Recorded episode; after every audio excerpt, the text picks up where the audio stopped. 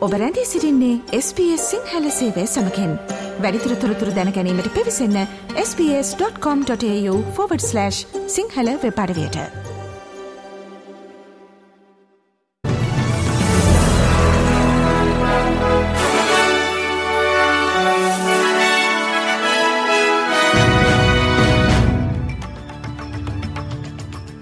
ප්‍රථමයෙන් සිරස්තල. කාන්තාවන්ට සහ ළමයින්ට එරෙහි ප්‍රචණ්ඩත්වය අවසන් කිරීම සඳහා ඔස්ට්‍රලනු මධ්‍යම රජයෙන් දසවුරුදු සැලස්මක්. ගංවතුරෙන් විපතට පත් ප්‍රදේශ කිහිපේක ජනතාව සඳහා ගමති ඇන්තනි අල්බනීසි අමතර බුල්ල ආධහර ප්‍රකාශයට පත් කරයි. වික්ටෝරිය ප්‍රාන්තයේ ප්‍රදේශ ගණනාවකට තවමත් හදිසි ගංවතුර අනතුරංගවීම් ක්‍රියාත්මකයි. එක්සත් රාජධානයේ නව බුදල් ඇමති රාජ්‍ය මුල්ලය අලුත්තඩියා කිරීම ගැන හෙළිදරව් කරයි. ශ්‍ර ලංකාවට නොසිතූ පරාජයක් අත්කර දෙමින් නැමිපියාව T20 ලෝක කුසලානේ පළමු තරගය ජයගනී.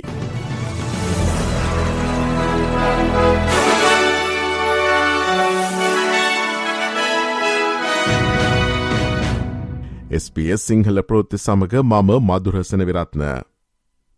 කාන්තාවන්ට සහ ළමයින්ට එරෙහි ප්‍රචණ්ඩත්වය අවසන් කිරීම අරමුණු කරගනිමින් ඔස්ට්‍රඩනු බද්ධ රජය දසවුරුදු සැලස්මක් දියත් කිරීමට සූදානම් වේ.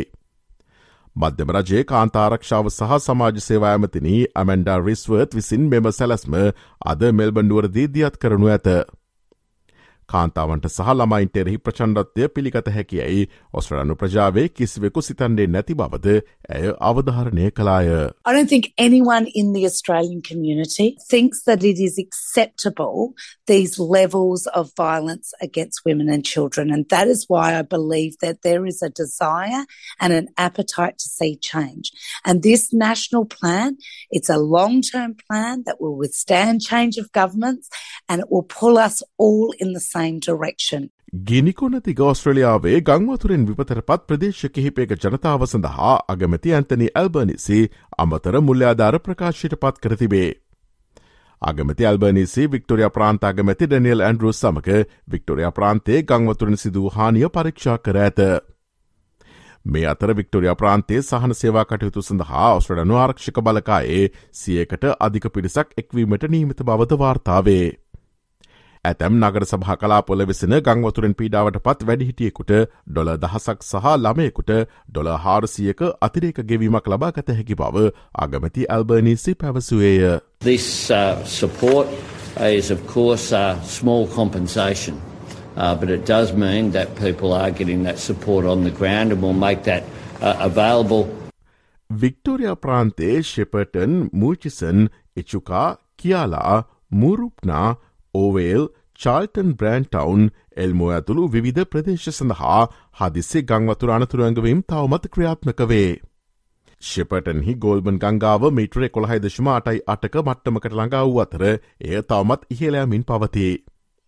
එමෙන් මාද දිනේදී එය මීටර දොළහයිදශම දෙකට වැනි එහි උච්චතම මට්ටමට පැමිණි හෝත් විශාලගං වතුරක්ද අපේක්ෂා කරේ. එය එක්දහස් සමසය හැත්තෑ හතර වසරේ ගංවතර මට්ටම වූ මිටර දොල්හයිදශම බිඳුවයි නවයට වඩා වැඩි බවද කාලගුණ විද්‍යාකාරවංශය පවසයි. මේ අතර වික්ටෝරිය ප්‍රාන්තේ ගංවතුරෙන් විපතර පත් වූ පුද්ගලයන් දෙසිය පනස් දෙනෙකුට මෙල්බන්හි හදිසි නවාතැන් පහසුකම් ලබාගත හැකි බව ප්‍රාන්තරාජය පවසයි. මෙල්බන් ගුවන්තරු පලාසල මිකලම්හි පැවති කොවිඩ් නිරෝධහයන මධ්‍යස්ථානයක් හෙට සිට අදාළ පිරිස් වෙත නවාතැන් ගැනීමට විවෘත කරනු ඇත.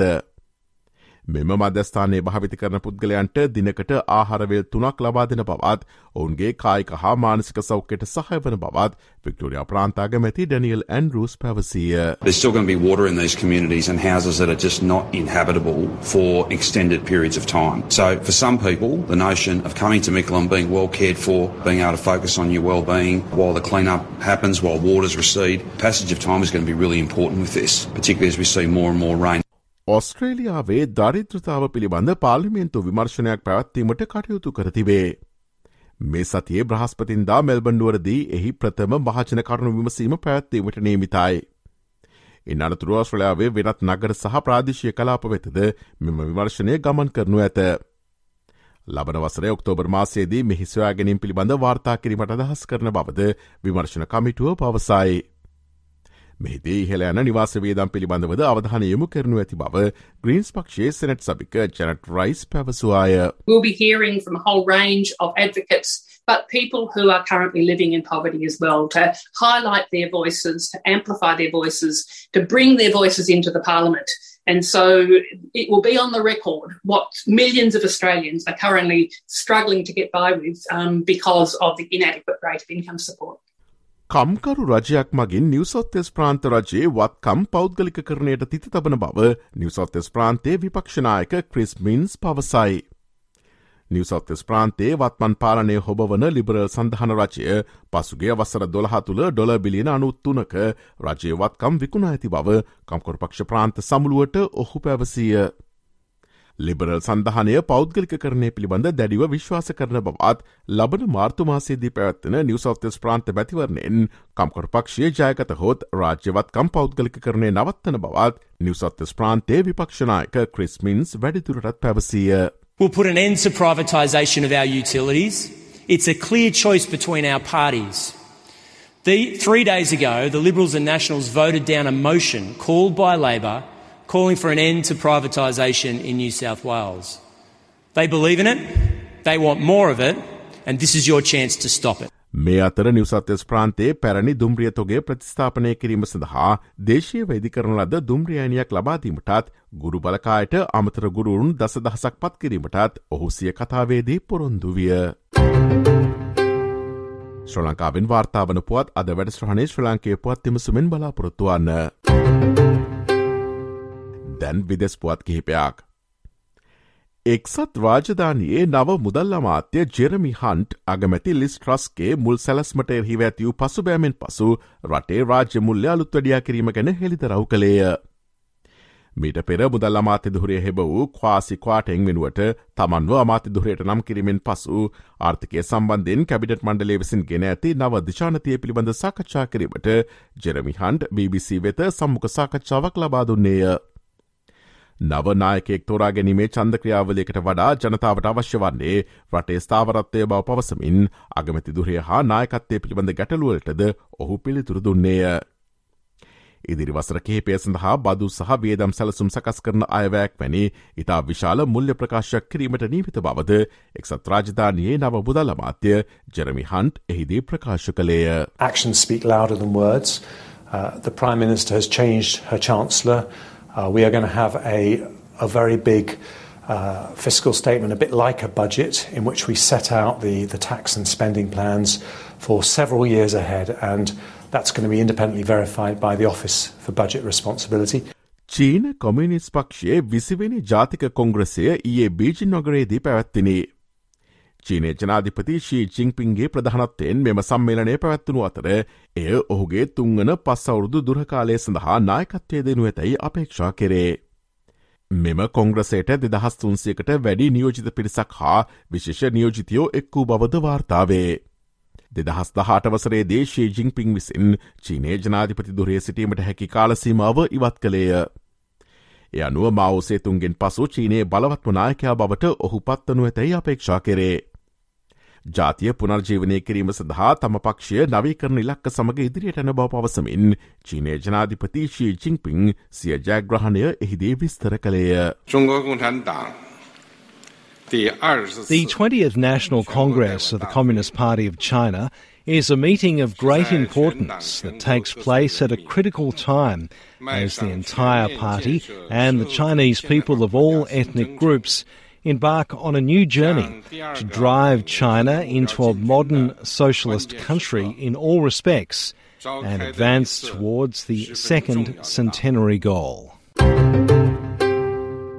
දැන් ක්‍රීඩා පුවතාක්. මෙවර විස්සයි විස්ස ලෝක කුසලාන තරගාවලිය ආරම්භ කරමින් ඒ පැවති පළමු තරගෙන් ශ්‍ර ලංකාව පරදා නැමීබියාව ලකුණු පනස් පහක ජෑක් අත්කර ගැනීමට සමත්විය. ඔස්ට්‍රලයාාවේ ජීලෝන්හි කාඩිනියාපක් ක්‍රඩාංගනයේදී මෙම තරන්ගේ පැවැත්විනි. කාසේවාසේ දිනු ශ්‍ර ලංකාව පළමුුවෙන් පන්දුවට පහරදීමට නැමිබියාවට ආරධනා කළ අතර නියමිත පන්දුවර විශ්සවසානයේ ඔවුන් කඩලු හතක් දැවී ලකුණු එකසේ හැටතුනක් ලබාගත්තේය.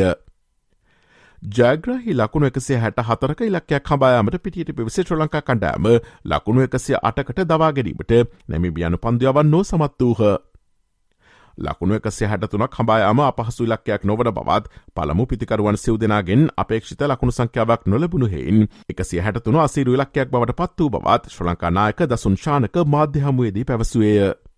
ශ්‍ර ලංකා පන්දයවන්නෝ තරගේදී එතරම් දක්ෂ ලෙස සහ සැලසුම් කළ පරිදි පන්දු නොයව් බව SBS සිංහල ගුවන් ඉදිලි ඇසු ප්‍රශ්නයකට පිළිතුරු දෙමින් ශ්‍ර ලංකානායක දසුන් ශානක තරගෙන් අනතුරුව පැවති මාධ්‍ය හමුවේදී පැවසිය. ප්‍රධානම අඩුපාඩු වනේ පන්දුයන්නන්ගේ ලයිනන් ලෙන්තකක් නැති එක. ම හිතන්නේ ඒගොල්ල අරම්බලෝද ඒගොල්ලො වේගෙන් පන්දය වන්න එකසිය පහලව එකසිය දාසය එතනින එකසි විසි පහනකන් තමා මැක්සිමම් යන්න. ඉතින් ඒගොල්ල ඒ ස්පීඩ්ඩෙන් හරිතැන්වලට පන්දවල අපේ පිතිකරවන්න චලෙන්ජ් කරන ඉතින් අපේ පන්දයන්නට පුළුවන්ගෙන් ඕනේ.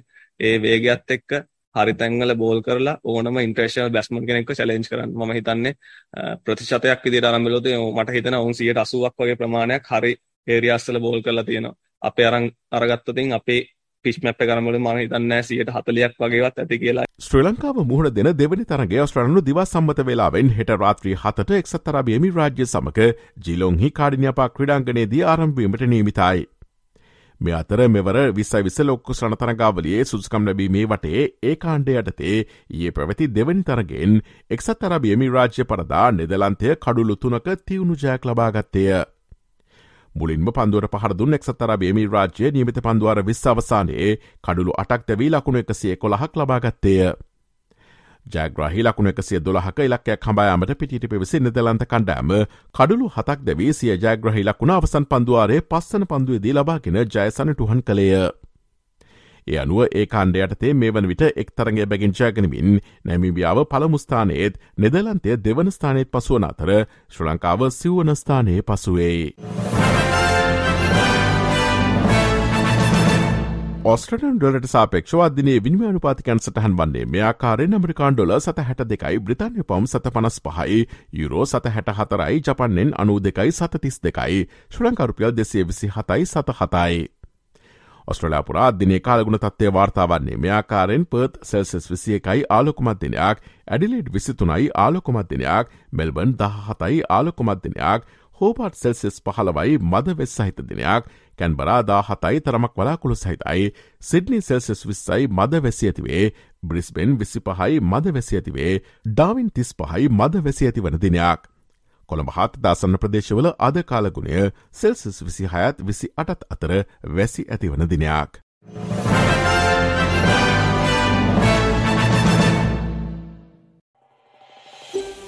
මේ වගේ තවත්තොරතුරු දැනගන්න කැමතිද. එහමනම් Apple podcast Google podcast Spotify ඔබගේ පොඩ්කාස්ට ලබාගන්න ඕනෑම මාතයකින් අපට සවන්දය හැකේ.